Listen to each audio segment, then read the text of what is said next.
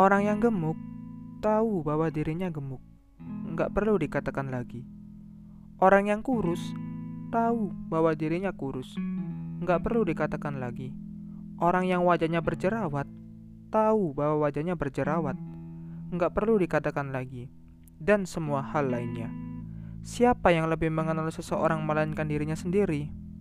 Kadang, tanpa kamu sadari, seseorang yang sudah berusaha menumbuhkan kepercayaan diri atas kekurangan yang ia miliki, tapi semuanya patah, hancur saat kamu dengan baik hatinya mengingatkan lagi, mengingatkan pada hal yang dengan sulit telah coba ia terima. Si gemuk Bukan berarti dia tidak peduli tubuhnya. Bukan berarti dia tidak pernah ingin langsing. Begitu juga si kurus. Bukan berarti dia kekurangan makanan. Bukan berarti dia tidak membandulikan kesehatan tubuhnya. Si wajah berjerawat. Bukan berarti dia tidak perawatan. Bukan berarti dia mengabaikan dirinya.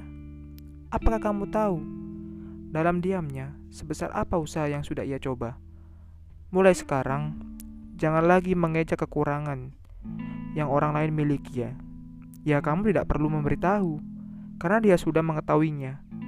Kamu gak perlu mengingatkan, karena dia memang gak pernah melupakannya. Kadang ada kondisi yang memang tidak bisa diperbaiki manusia.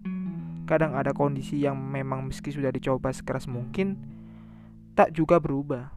Jadi jangan sakiti seseorang yang sedang tertatih meluaskan hati untuk menerima dirinya sendiri.